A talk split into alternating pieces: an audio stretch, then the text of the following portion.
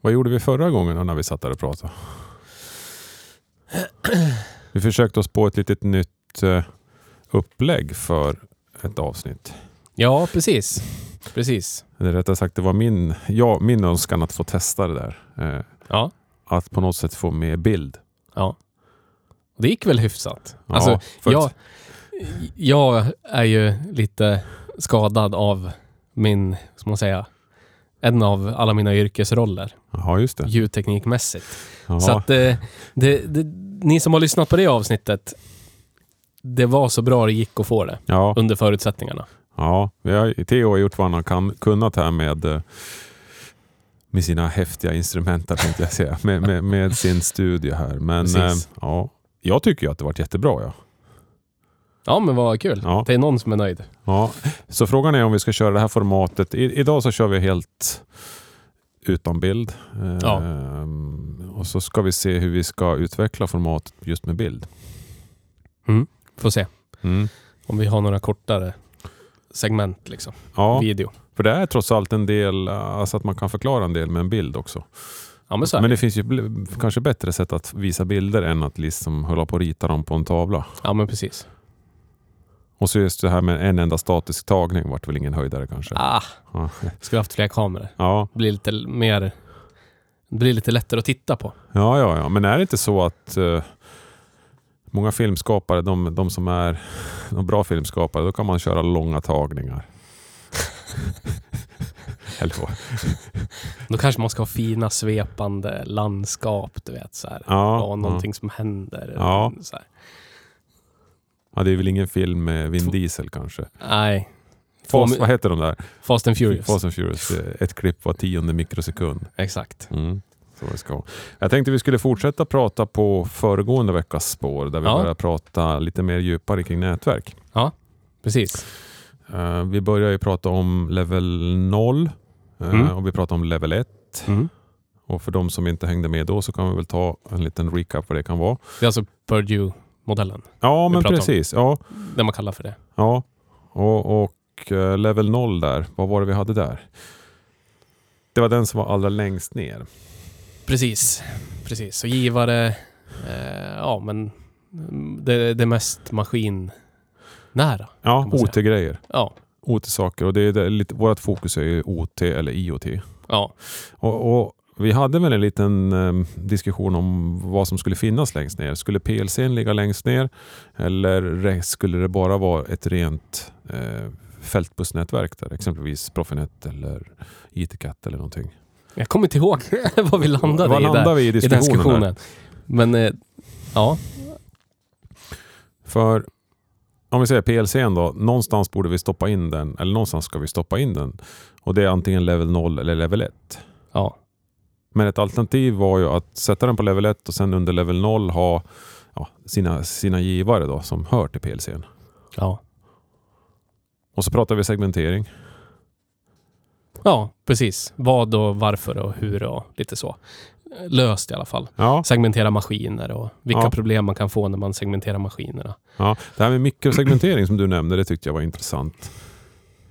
Ja, Känner du att du kan prata, utveckla det lite, vad det var? det kan jag göra. Ja, Ska jag, ska vi, ska jag börja med det? ja men gör det, det skulle vara jätteintressant. Ja. Eh, jag, jag, jag, har ju inte, jag har inte jobbat med det på eh, OT-saker, IoT, utan då är det liksom eh, i en... Eh, ja, men på en, i en virtualiseringsplattform. Jaha, alltså mera fin-IT, eller hur ska man säga? Eller, ja, ja, det inte kan man väl säga. OT-IT, utan mera... Men det, det är ju applicerbart där också. ja. Det är ju samma... Det, det var ju samma plattform liksom för att fortsätta segmentera, Jaha, ja, segmente- eh, segmentera det ja. Det är en VMware, det, just den produkten vi använde där, det var en VMware-produkt som hette NSX-T.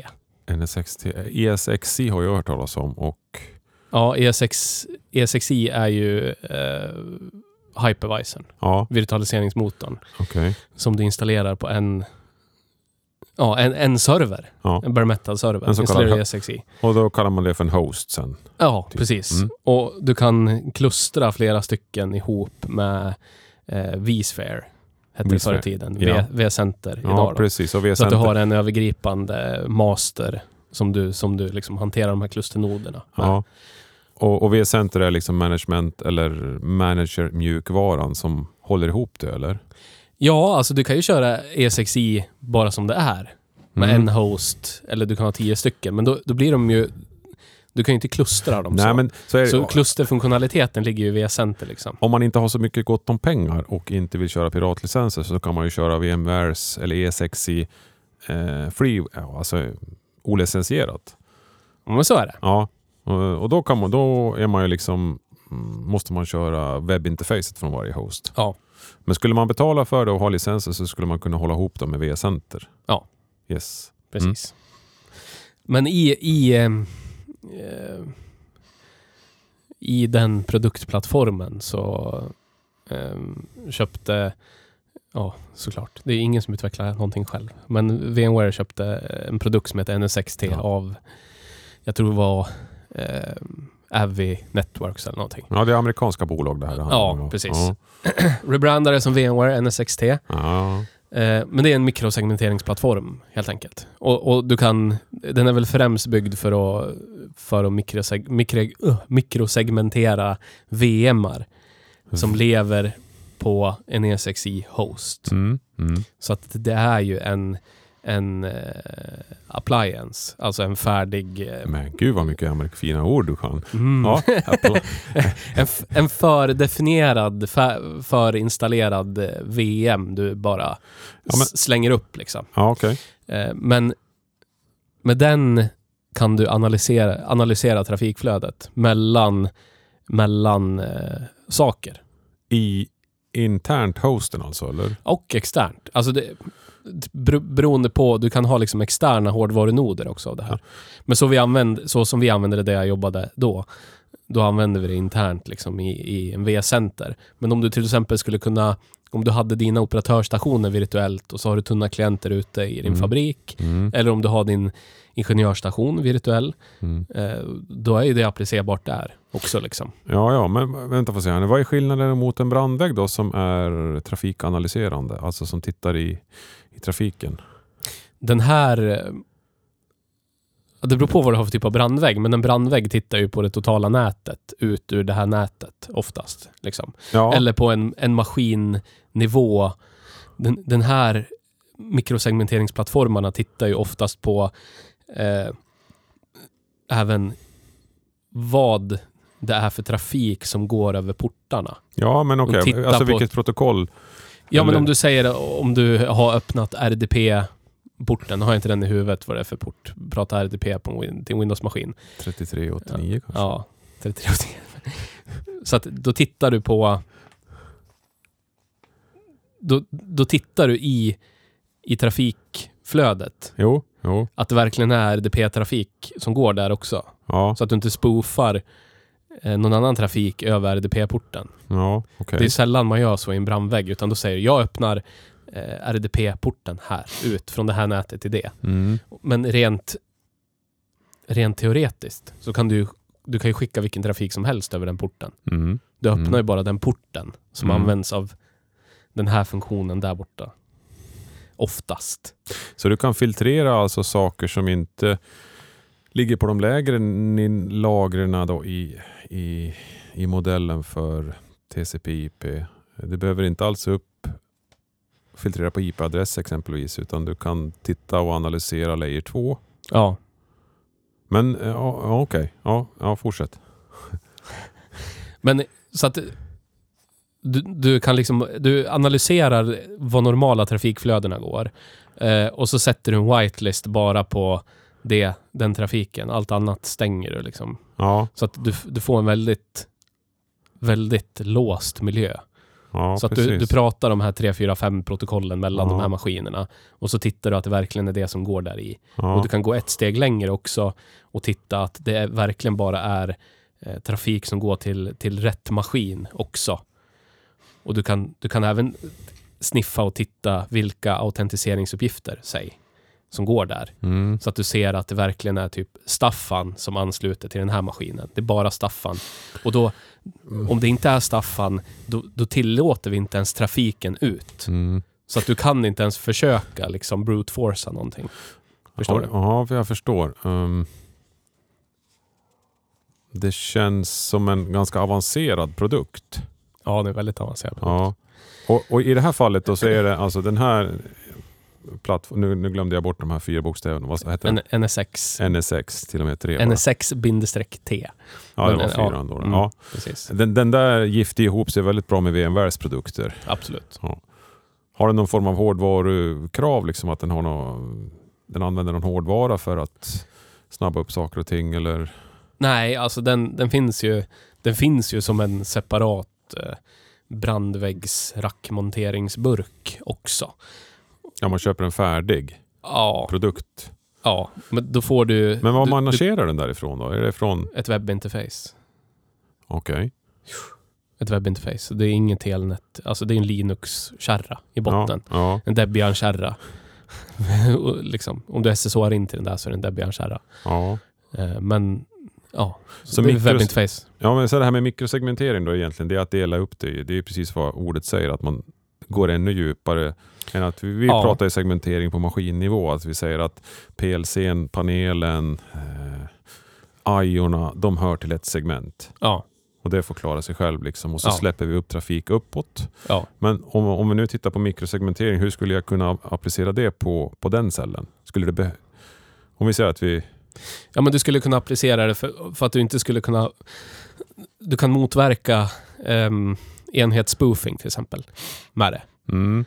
Eh, och du, du, du, kan ju, Ja, men du, okej. kan ju, du kan ju koppla ur en HMI-panel och så kan du koppla in din PC och ge den samma eh, IP-adress och så kan den, kan den låtsas vara en, en, en, en HMI-panel. Liksom. Ja, men och då okej, kan du ju få spook- access till saker. Ja, Du kan ju motverka den typen av, eh, av eh, accessförsök, Alltså, det- otillåtna accessförsök på det, ja med det här. okej. DNS-spoofing har jag hört talas om. Inte liksom att man ersätter en befintlig DNS med sin egen liksom och pekar om.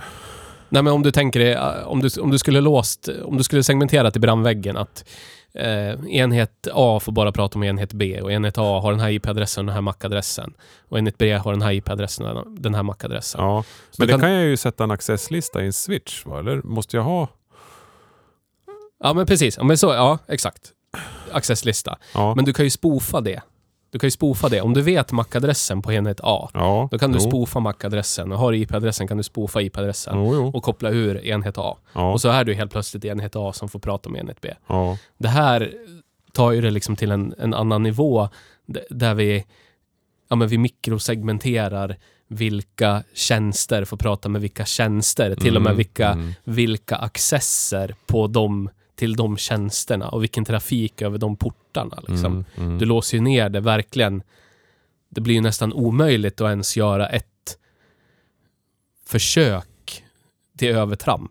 Du kan ju konfigurera den till att den sopar igen porten också så fort någon, någon, eh, någon rör sig utanför ramarna för reglerna du har satt upp. Jo, Så jo. du får ju någonting som är väldigt säkert. Ja.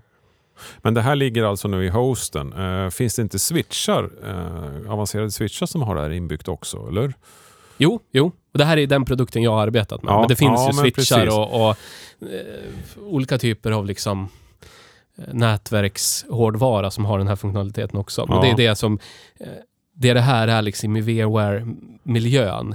Mm. Det är att den jackar in sig på varje VMs nätverkskort mer eller mindre ja. och tittar på vad det är för trafik som går överallt. Mm. Om du skulle göra det här... Om du, sk- om du skulle s- göra det här... Om du skulle ha en, en nod, typ, eller om du stackar det. Du har ju i alla fall eh, en flaskhals där.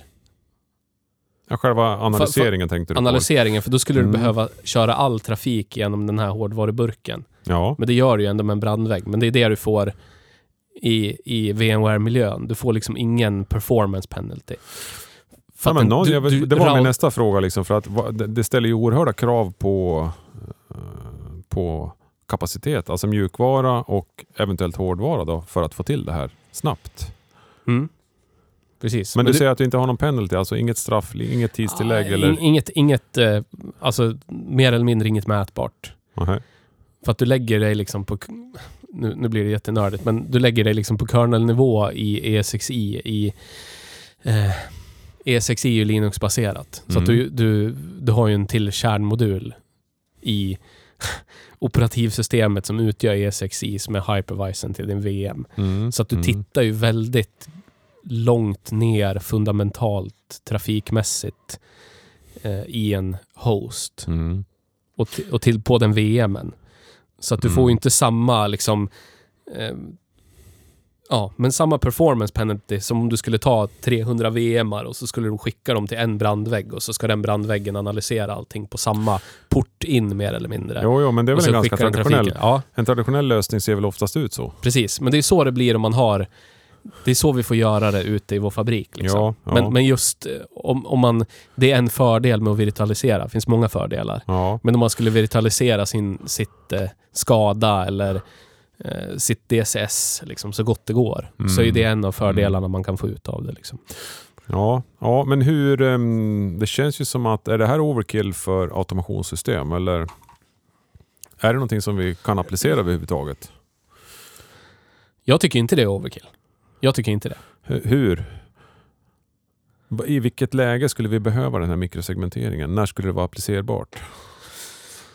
Ja, men eh, för, att, för att få kontroll över vad som pratar med vad. Det, det är ändå... Alltså, Men- Ja, men precis. Men alltså, Industri 4.0 är ju allt prata med alla. ja, eller hur? Är det inte så? Jo. Hur, Men- hur? Och så säger vi att vi ska segmentera ner det så att eh, ingenting pratar med alla utan man, pr- det är liksom väldigt uppstyrt vem som pratar med vem. Ja, men vissa, vissa saker ska ju prata med allt, Ja, kanske. Men hur- ja. det finns ju många saker som inte ska göra det också. ja så, vi så, så vi kan bygger det ju inte... Industri 4.0 innebär ju inte att vi river ut allting gammalt och så ska vi ha... Eh, allt, allt ska prata med allt helt plötsligt från dag ett. Vi har ju fortfarande kanske kritiska maskinstyrningar. Vi vill hålla separata och vi har eh, kritiska f- kritiska små styrsystem som, som ja, men de kanske är så små att de, de är känsliga för störningar. Mm, mm. För då, då är vi inne på det här egentligen, det som vi pratade lite om sist också. Vad är det man vill skydda i en OT-miljö och vad, vad tänker man riskerna är eh, med Industri 4.0 på OT? Och då var vi ju inne på, det kändes mest som att man ville förstöra än att stjäla data. Liksom. Ja, Jag vet inte om vi har tänkt om det, men, men alltså, ska man stjäla någon data ifrån ett OT-nätverk, ja, då lär man ju verkligen veta vad man håller på med och vad det är Ja. för data man vill ha. Så vi tror snarare att man vill på något sätt jag vet jag, hijacka eller förstöra anläggningen, alltså s- stoppa produktionen. Då. Ja, men om, man tittar, om man tittar på det som har hänt i, i världen, eh, ska man säga, hackingförsök, lyckade hackingförsök som, som eh, mot eh, olika typer av styrsystem och PLC. Mm. Om du bara tittar på hela Stuxnet-grejen till exempel. Det, det, var ju för, det var ju för att förstöra. Ja, men det var ju- men USAs, eh, Ja, U- USA som vill sabba eh, Irans kärnvapenprogram, helt ja, enkelt. ja, men precis. Det var för en god sak. tror Ja, jag. men, men det är ju där... För, för det är ju realtidsdata. Du, Det är som Mm. du säger, du måste ju verkligen veta vad du tittar på om du ska kunna se någonting vettigt ur det. Ja, för om man ska kunna stjäla företagshemligheter ur OT-nätverk, nu pratar vi om de lägsta nivåerna, 0 och 1 där. Ja. Finns det någonting att stjäla som är någonting att ha? Vad, vad skulle det kunna vara? Vill man stjäla programkod liksom för att man... Ja, det är klart att det kan finnas något sätt att styra någonting eller nå- någon, någon algoritm eller någonting som man vill ha. Men Jag tror det är mer i... Ja, Det, det är liksom mer på skada nivå i sådana fall. Ja. Om man har någon recepthantering som är... ja, men... Man, man gör någonting väldigt bra som konkurrenter vill Ja, åt. men du, någon du är på den batchant- nivån. Ja. För annars är det ju liksom att OT-nätverken längst ner, det handlar ju om att ha hög tillgänglighet på dem. Ja. Och att naturligtvis att de blir skyddade ifrån att någon vill störa ut det som finns där. Men det, det är ju dels det och sen är det ju liksom den största faktorn i, i, eh, i driftsäkerheten så. Tillgängligheten. Det är, ju, det är ju den mänskliga faktorn. Mm. Det kan ju vara någon som kopplar någonting fel i en switch eh, på andra sidan processavsnittet och så, så går liksom andra delen ner bara för Jo, att ja. ingenting är segmenterat. Nej, nej. Det är ju den största risken egentligen. Ja, Och så står du liksom maskindelen i, på den he- to- totalt andra sidan fabriken, andra sidan processavsnittet, som egentligen inte har någon fysisk, du vet, eh, relation med det där någon kopplade fel går ner. Det är jättesvårt att felsöka. Jo, så, så är det ju. Ehm, så segmentering i sig, det, det, det är en bra grej. Eh, sen Ja. mikrosegmentering, ja, det, då, då måste man liksom...